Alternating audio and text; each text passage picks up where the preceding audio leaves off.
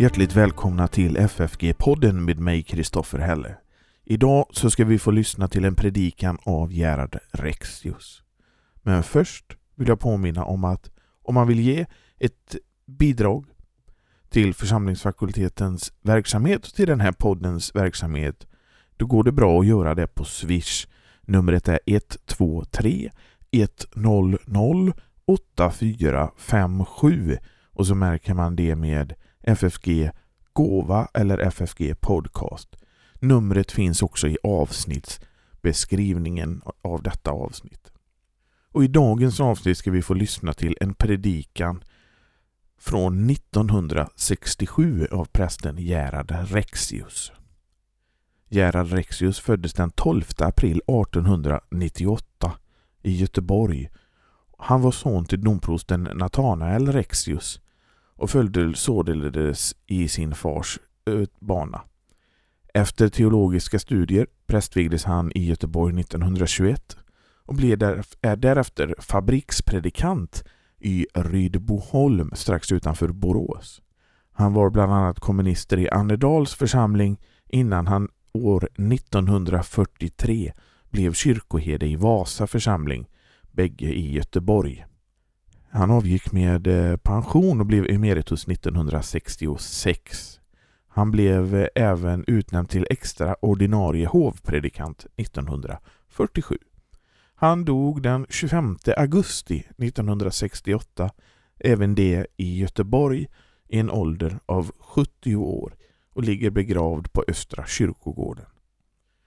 Denna predikan vi ska få lyssna till idag är inspelad i Mariakyrkan i Göteborg 1967.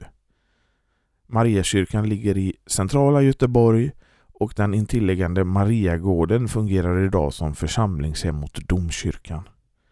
Den nuvarande kyrkan invigdes den 10 december 1815 vilket var andra advent och eh, på platsen låg tidigare det som hette Fattighuskyrkan.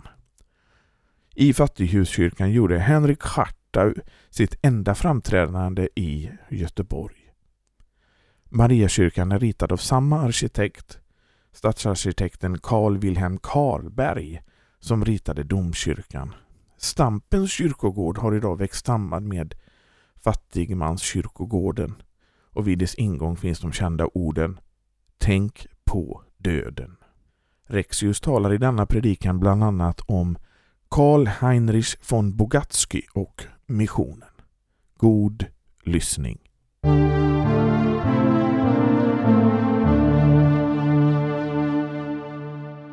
I Guds, Faderns och Sonens och den helige Andes namn. Kom, helge Ande, Herre god. Besök vårt hjärta, giv oss mod. Förlena oss din helga nåd och var med oss i råd och dåd. Den sanne tröstaren du är, så kom och var oss alltid när. De hårda hjärtan själv bevek att öva kärlek utan svek. Ditt ljus tänd i vårt mörka sinn Giv tro och hopp i hjärtat in och allt vad här oss feda må, låt oss av dina nåde få. Amen. Författaren till den psalm som vi sjunger vid denna gudstjänst heter Karl Heinrich von Bogatsky. Hans namn är väl inte så mycket känt av nutidens yngre människor. Men eh, förr i världen så lästes hans uppbyggelseböcker rätt mycket i våra bygder. Och då framför allt två av dem. Den ena en trogen själs umgänge med Gud och den andra en gyllene skattkammare. Denna sista med två betraktelser för varje dag har under titeln Dagliga betraktelser i mycket förkortad form och med endast en betraktelse för var dag utgivits i flera upplagor och den var ofta en andaktsbok som skänktes till konfirmander. Denne Bogatski han var född 1690. Hans far var av ungersk börd men tjänade som officer i den kejserliga österrikiska armén. Fadern yrkade på att sonen skulle bli militär som han och sände honom för sådan utbildning till Breslau. Men sonen hade tagit det djupaste intryck av sin fromma mor. Redan som åttaåring bad han till Gud med egna ord. Några år senare hade han under en längre sjukdomstid läst igenom hela Bibeln och fattat ett heligt beslut att tjäna Gud och undvika allt som Guds ord stämplade som synd. Men eh, det beslutet åsamkade honom mycken smälek från kamraternas sida, för världen har alltid varit sig lik. Redan nu började han skriva sina böner på vers. Det visade sig snart att han på intet sätt lämpade sig som soldat. Och han skrev till sin mor att han var fast övertygad om att Gud bestämt honom till någonting helt annat. Slutligen måste fadern till sin förargelse avstå från sina planer och låta honom studera juridik istället. Men Bogatsky passade lika lite till jurist som till soldat. Ivrigt läste han sin bibel, olika andaktsböcker och framför allt Skrivers själaskatt. Och han gick flitigt i kyrkan och en gång blev han, medan han lyssnade till en predikan, så gripen av glädje i den heliga Ande att han aldrig kunde glömma detta. Men det var August Hermann Franke som blev det Guds redskap som förde Bogatsky in på trons väg. Franke betydde på den tiden mycket, men eh, vad Bogatsky dittills hade hört om honom det var idel ofördelaktiga ting, sådana som människor ofta berättar när de tar anstöt av en människas kristendoms allvar.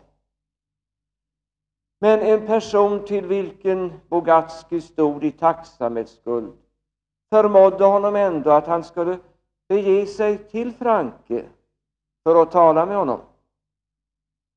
Han eh, gav sig motvilligt på väg när han kom till Halle så tog han in i ett värdshus och så skulle han äta kvällmat. Och där var några adelsmän och officerare som åt i samma rum.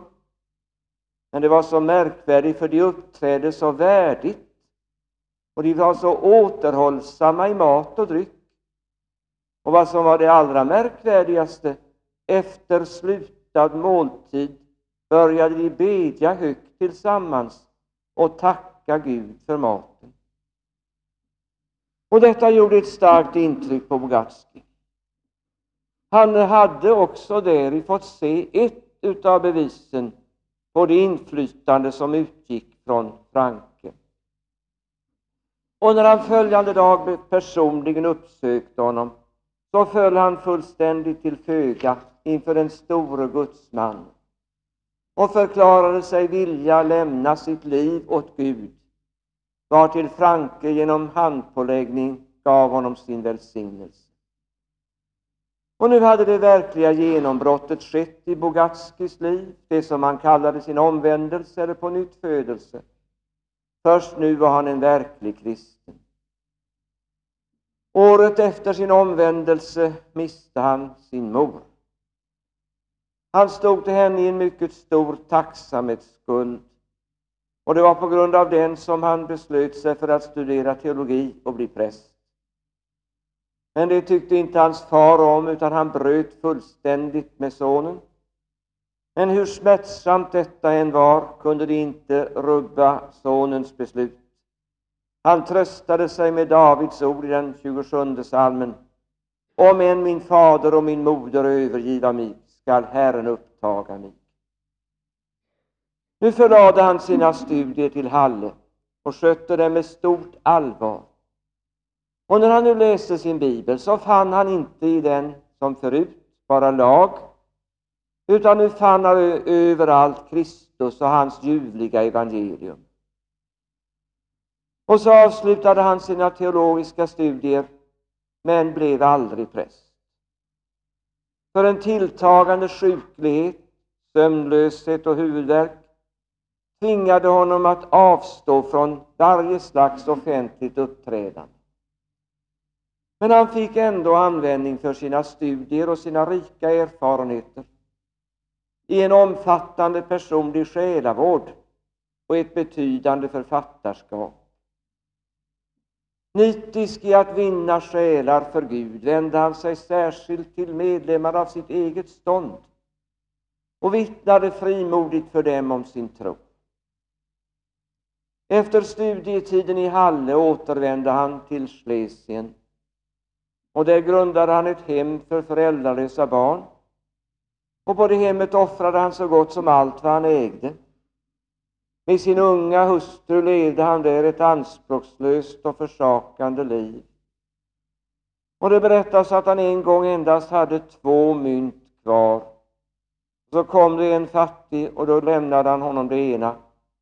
Och det andra det gömde han som ett minne för hela sitt liv på hur Gud grep in och i en mycket svår situation gav honom just det som han behövde. Hans tro kom inte på skam.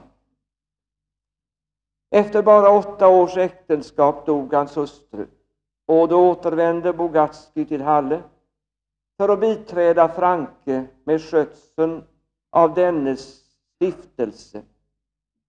Enkel och blid vandrade han där omkring bland sina pojkar, för vilka han var som en far. Och det höll han på med nära 30 år, ända till sin död 1774, vid 84 års ålder. Och när han kände att slutet närmade sig så förordnade han texten för sin jordfästning. Och det skulle vara det bibelordet. Det är ett fast ord och i allo värt att mottagas att Kristus Jesus har kommit i världen för att frälsa syndare. I vår psalmbok har vi bara en psalm av Bogatski, den som vi sjunger ikväll. Den är märkvärdig så tillvida att den är en av den lutherska kyrkans allra första missionssalmer. För när den skrevs år 1750 så var Hednamissionen ännu en ganska främmande tanke för många allvarliga kristna. Och vi eh, finner att vår psalmförfattare ger uttryck för sin sorg över den likgiltighet och köld med vilken missionens förespråkare ofta bemöttes i vida kretsar av kyrkans folk. Men han hoppas och ber om en undrens dag. Hans psalm är en bönesalm och den har i vår psalmbok fått plats bland missionssalmerna.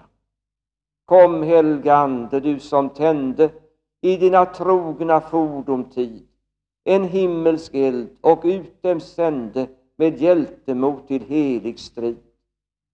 O kom och väck på nytt ditt folk att bli för världen all din tolk. Om vi nu gör som vi ska göra, går från psalmboken till Bibeln, så påminner vi oss ju om det stora pingstdagsundret, då den heliga Ande som en himmelsk eld utgöts över apostlarna. Det undret förvandlade dem helt. Nu var det slut med deras fruktan. Rustade med mod från höjden tog de upp den heliga striden till vilken deras Herre och Frälsare hade kallat dem. På ett alldeles påtagligt och synligt sätt utgöts Andens eld över dem. De behövde detta tydliga bevis på att Jesus hade hållit sitt löfte till dem då de nu skulle bryta mark för evangelium. Men den heliga Andes gåva var ju inte endast förbehållen åt dem. Han har i alla tider givits såsom den förnämsta gåva som Jesus förvärvat åt oss. Och om någon bön i denna andefattiga tid är av nöden, så är det väl bönen om att den heliga Ande måtte vara verksam. Att han måtte kalla och församla människor till Herrens folk och tända dem med den heliga elden och driva dem ut för att bära vittnesbörd om sin Herre och Frälsare, både nära och fjärran. Sänd ut ditt ord med stora skaror av tjänare och giv dem mod för Kristi skull att trotsa faror, ej spara för hans sak sitt blod. Slut genom dem i Guds förbund all människors släkt kring jordens rund. Går vi så åter till Bibeln så minns vi ju att eh, när Jesus stod inför sin himmelsfärd så sände han ut sina apostlar för att de skulle förkunna hans ord. Och han eh, drog upp deras färdväg. De skulle börja i den närmaste omgivningen, i Judeen, men också i Galileen och i Samarien. Men sen skulle de draga vidare ut till världens ända och förkunna evangelium för allt skapat. Och det är ännu Herrens vilja. Hans ord skall ut. I detta ordet bor den levande Herrens kraft. Hans ord är skarpare än ett tveeggat svärd. Det kan krossa. Ja, det har väl visat sig många gånger att det ordet har kunnat krossa till och med de hårdaste hjärtan. Men det är också det klara ljuset som visar vägen till frälsaren, till syndernas förlåtelse, till det eviga livet. Men därför är det så angeläget att detta ord sändes ut i världen. Ännu har det inte förkunnats för alla folk och därför står Herrens missionsbefallning kvar. Om vi skulle kunna räkna dem så är det stora skaror som Herren under tidernas lopp får sända ut i sitt ords tjänst. Även om det i varje tid alltid syns som om skörden vore mycken men arbetarna vore mycket få. Aldrig kan vi vara nog tacksamma för att Herrens sändebud fann vägen också hit upp i Norden. Och aldrig kan vi vara nog tacksamma mot alla dem som här i vårt land har arbetat och bedit och offrat och lidit för att ordet skulle finnas också här. Och så är det ändå så många som vill vraka denna skatt. När Herren sände ut sina tjänare för att förkunna hans evangelium så förteg han inte för dem att uppgiften skulle bli mycket svår. De skulle liksom han själv möta motstånd och motsägelse. De skulle bli förföljda och fängslade. Somliga av dem skulle till och med bli dödade. De behövde i sanning mod till att trotsa faror, till att kunna stå fast vid detta som Petrus sa till sina domare. Man måste lyda Gud mer än människor. Ja, de behövde mod för att inte ens spara sitt blod när det gällde Herrens sak. Nu har ju tiderna varit mycket olika för Kristi församling. Martyrtiderna de har följts av lugnare tider. Perioder till och med då kyrkan tycks ha åtnjutit en viss välvilja ifrån världen. Men vi har också sett hur fort den välviljan har kunnat förbytas i ovilja. I vår tid är här väl ingen martyrtid. Men ändå så krävs det mod för att visa att man vill hålla fast, orubbligt fast vid Guds ord. För otron är högljudd och förförelsen är fruktansvärd och villfarelsen griper omkring sig. Och allt ska ju göras för att lära människor att inte tro på Guds ords sanning. Det är verkligen inte lätt för unga människor att vara kristna i denna tid. Kraven på dem är oerhört stora. Om de ska våga gå emot den stora strömmen av kamrater och jämnåriga, om ni ska kunna våga och stå ensamma mot alla dessa många som förkastar och föraktar Kristus. Vi skulle verkligen tänka mycket, mycket mer på de ungas stora svårigheter och bedja för dem att de måtte få kraft och mod. Inte ser det ut att bli ljusare tider för Kristi kyrka och församling, även om Kristi bekännares lidanden nu inte går att jämföra med deras, som levde i de öppna förföljelsetiderna och måste ge sina liv i martyrdöden, så vet vi ju aldrig någonsin när det starka hatet som ligger och glöder under ytan kan blossa upp. Den största faran för Kristi församling i relativt lugna tider är att bli slö och sömnig. Därför behöver den visst väckas.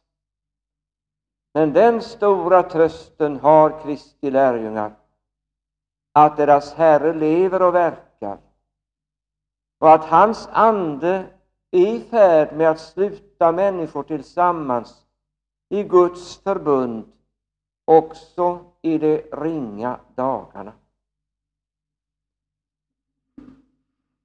Men vid tanken på Jesu bekännare och hans ords budbärare må församlingen visst be med vår psalmförfattare. Ack, öppna för dem portar vida, en löpeld likt ditt budskap må till stammar som i mörker bida med salighetens klarhet nå. Ett skingrat Israel väck upp, att honom se som är dess hopp. Den förste och störste hedna missionären, aposteln Paulus, visste så väl att hans verk i evangeliets tjänst var helt beroende på om Gud öppnade dörr för sitt ord eller ej. Vi vet att han ibland kunde få stå inför en stängd dörr. Han hade vissa planer på att få förkunna evangelium på en plats. Men så står det att Kristi ande tillstade honom det icke. Men en annan gång kunde han skriva till församlingen i Korint. I Efesus vill jag stanna ända till pingst. Ty en dörr till stor och fruktbärande verksamhet har öppnats för mig. Till samma församling skrev han i sitt andra brev. Jag kom till Troas för att förkunna evangelium om Kristus. Och en dörr till verksamhet i Herren öppnades för mig. Men eh, den gången ser det ut som om Paulus själv inte gick in genom den öppna dörren. För hans oro för vännen och medarbetaren Titus var så stor att han lämnade Troas och for till Macedonien. Men vad han då försummade, det fick han ändå sedan tillfälle att gottgöra. Gud förde åter hans väg till Troas och på sin sista resa som ändade i Jerusalem och i fångenskapen, fick han tillbringa sju dagar i Troas under livaktig verksamhet både dag och natt. Till de öppna dörrarna kommer Paulus tillbaka i Kolosserbrevet. Bedjen för oss att Gud må åt oss öppna en dörr för ordet så att vi får förkunna Kristi hemlighet den hemlighet för vars skull jag också är en fånge. I varje tid är det så att det är inte mänsklig visdom och mänsklig kraft som kan öppna dörrar för Guds ord, allra minst in i människornas hjärtan. Men Kristi församling har att väl akt på de dörrar som Gud öppnar. Och inte minst nu skulle hon be att Herren måtte öppna vida portar för sitt ord. För ofta kan den misströstans ande gripa om sig som tänker nej, nu är allt så stängt och allt ser så förgäves ut. Ja, men det är för människoblickar. Men Herren verkar ännu. Och om det tycks alldeles stängt på ett håll, så kan han ändå öppna dörrar på ett annat. Hans ord bär icke bojor. När Herren Jesus en gång sände ut sitt ord, så tände han en eld på jorden. Och då sa han att han så innerligt gärna ville att den elden redan brunn. Och det är hans innerliga önskan än idag, att den elden måtte brinna och att den måtte sprida sig som en löpeld med ljus till dem som bor i mörkolande. Ja, ju starkare mörkrets makter samlar sig mot Guds ords ljus, desto angelägnare är det att det ljuset måtte nå ut. För Guds ords ljus det är det enda som kan leda människor från undergång till salighetens klarhet. Ännu är större delen av mänskligheten fången i hedendomens mörker. Och ännu är egendomsfolket Israel förskingrat, även om det har fått åter en del av sitt land. Det är i andlig mening förskingrat, för de känner inte honom som är dess rätte herde och Messias. Och därför skulle de kristna ropa till Herren att han måtte öppna dörrar för sitt ord, både här hemma och där ute. Frälsaren som han sände ska vara också hedningarnas frälsare. Och Israel skall en gång med tro se upp till honom som det stundit. Så har Herren lovat i sitt ord, och hans löften är sannfärdiga. Och de löftena skulle hans församling ta fasta på. Ibland får vi läsa och kanske höra hur ateister går till storms mot kristendomen. Och vi tycker att det är förfärligt. Men skulle vi inte kunna göra så att vi tar och kommer överens om att be för dessa människorna som angriper kristendomen så hetskt? En av dem som eh, framträder mycket ofta och inte gör någon hemlighet av sin ateistiska övertygelse hade en god vän när han studerade som ung. Och denne vännen sa om honom, jag är övertygad om att han är en Saulus som en gång blir en Paulus. Och det är därför han gör allt vad han kan för att värja sig mot kristendom. En sådan Saulus behöver stödjas med trogna förböner. Men varför går Herrens verk så långsamt?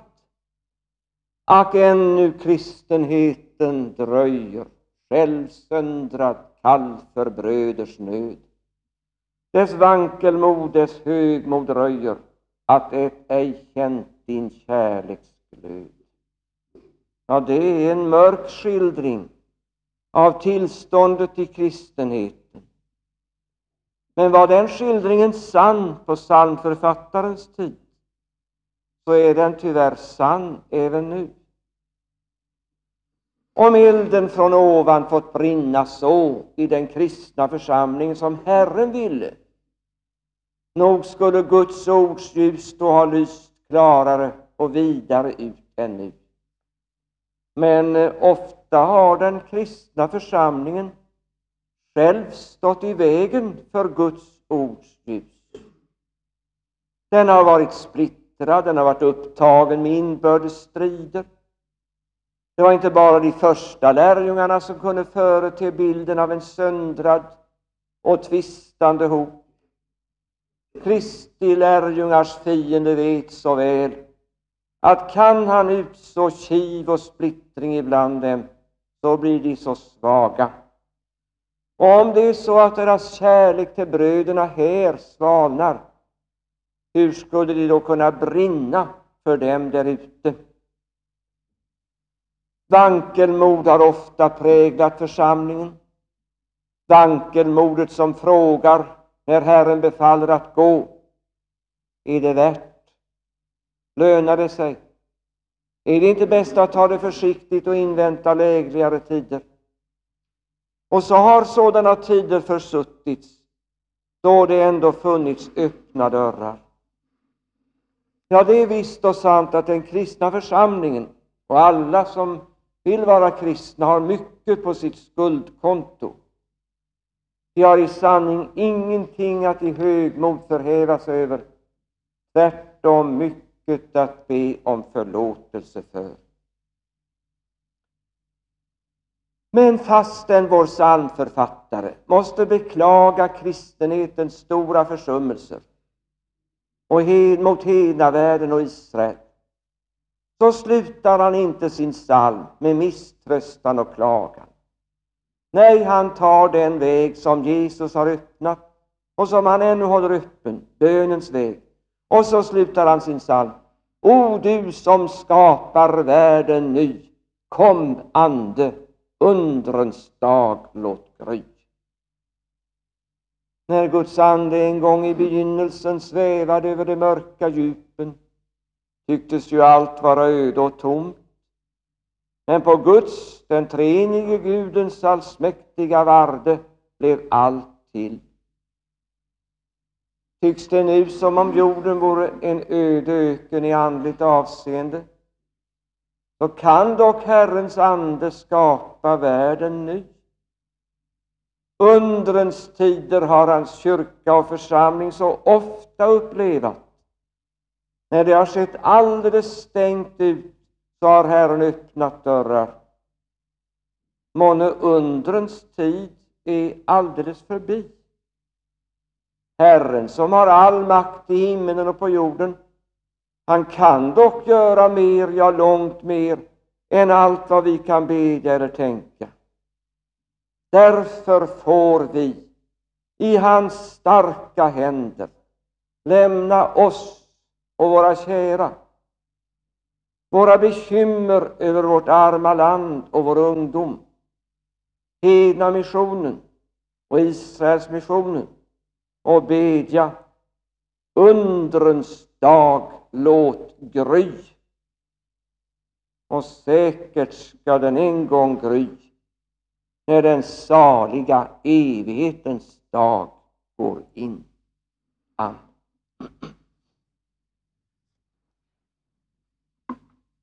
Allsmäktige och barmhärtige Gud, förlena oss nåd att genom ditt ord dagligen tillväxa i din gemenskap, så att vi allt bättre lära känna och tillbedja dig i rätt tro och lydnad och taga oss tillvara för allt som kan skilja oss från dig. Helga, o Gud, din församling, att hon må endräktigt uppbyggas i trons kraft och allt gott verk. Led och bevara vår överhet och låt din välsignelse vila över alla stånd. Hjälp och hugsvala alla lidande, upprätta de fallna och återför de förvillade. Tänk icke på våra synder, utan låt för Jesu Kristi skull barmhärtighet vederfaras oss. Giv oss nåd att väl fullborda vårt lopp och omsider vinna det eviga livet. Amen. Fader vår som är i himmelen. Helgat varde ditt namn. Tillkomme ditt rike. Ske din vilja så som i himmelen så och på jorden. Vårt dagliga bröd giv oss idag och förlåt oss våra skulder såsom och vi förlåta dem oss skyldiga äro. Och inled oss icke i frestelse, utan fräls oss ifrån ondo. Ty riket är ditt och makten och härligheten i evighet. Amen. Herren välsigne oss och bevara oss. Herren låter sitt ansikte lysa över oss och vara oss nådig. Herren vände sitt ansikte till oss och giv oss frid. I Guds, Faderns och Sonens och den helige Andes namn. Amen.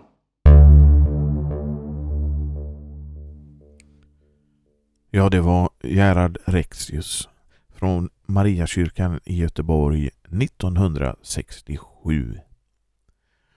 Och eh, är det så att man vill ge ett eh, bidrag till den här poddens och församlingsfakultetens arbete, ja då går det bra att göra det på Swish. Numret är 123 100 8457 och så märker man det med FFG podcast eller FFG gåva så kommer det fram till rätt mottagare. Nästa vecka så är det tänkt att vi ska återvända till Lars Borgström och då ska vi tala om helgon. Så vi hörs igen då. Hej då!